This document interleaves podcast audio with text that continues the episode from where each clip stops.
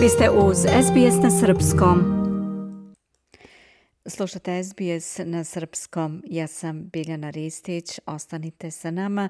Sledi tema iz Srbije.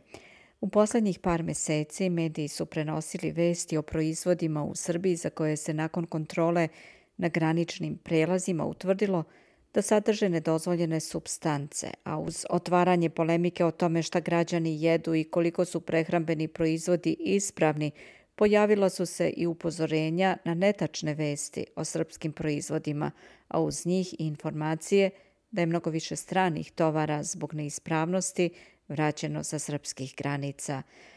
Na liniji imamo Miju Nikolić. Mija, dobar dan. Recite nam šta je prvobitno pokrenulo ove tvrdnje koje su se pojavile u medijima? Krenulo je od čipsa iz Čačka koji je sadržao visok nivo kancerogenog akrilamida, a posle toga je u intervalu od dva meseca sa granica vraćeno nekoliko tona breskvi, paradajza, krastavaca i šljiva namenjenih tržištima Hrvatske, Slovenije, Crne Gore i zemljama Evropske unije.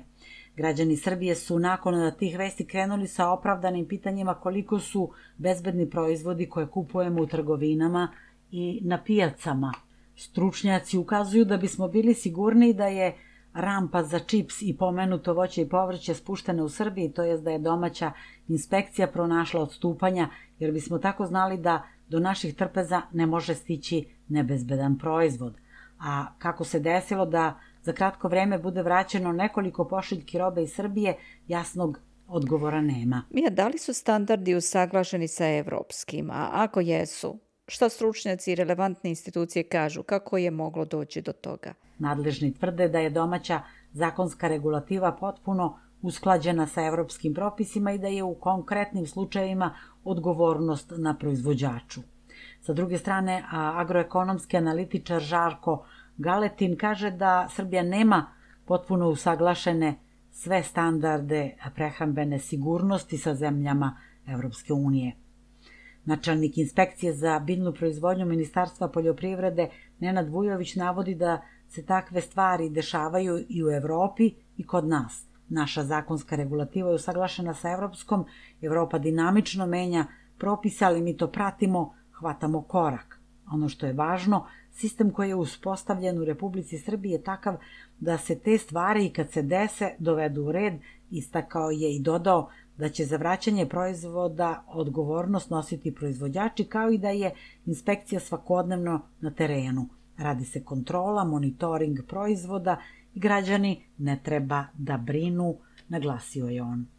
Žarko Galetin pak naglašava da jeste zakonska obaveza države uvoznika, a ne izvoznika da obavlja kontrolu za svaku pošiljku, ali da to ne uklanja odgovornost države koja izvozi hranu. Izjavio je Galetin uz podsjećanje da ovo nije prvi put da se domaći proizvodi vraćaju sa vrata Evropske unije.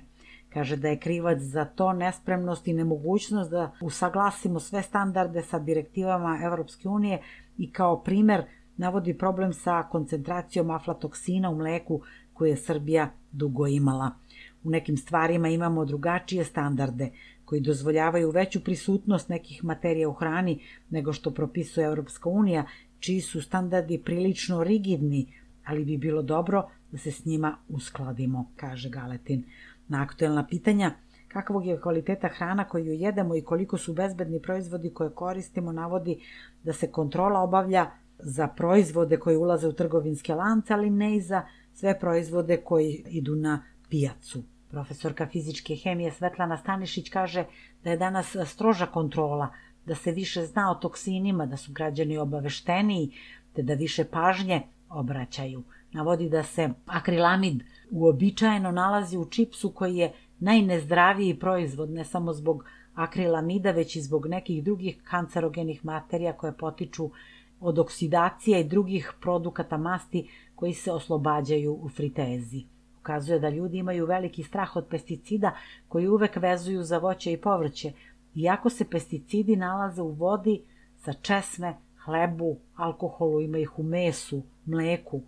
Upozorava da su štetnom uticaju pesticida najviše izloženi naši poljoprivrednici, oni imaju povećan rizik od bolesti. Dodaje da voće i povrće treba koristiti u ishrani svakojako, samo je važno dobro ga oprati posebno deo oko peteljke. Ljudi se plaše toksina u hrani, a ono što treba da znamo je da što je više prerađena hrana, ona ima više štetnih materija. Sve te materije koje se dodaju u procesu prerade ili su kancerogeni konzervansi ili su aditivi.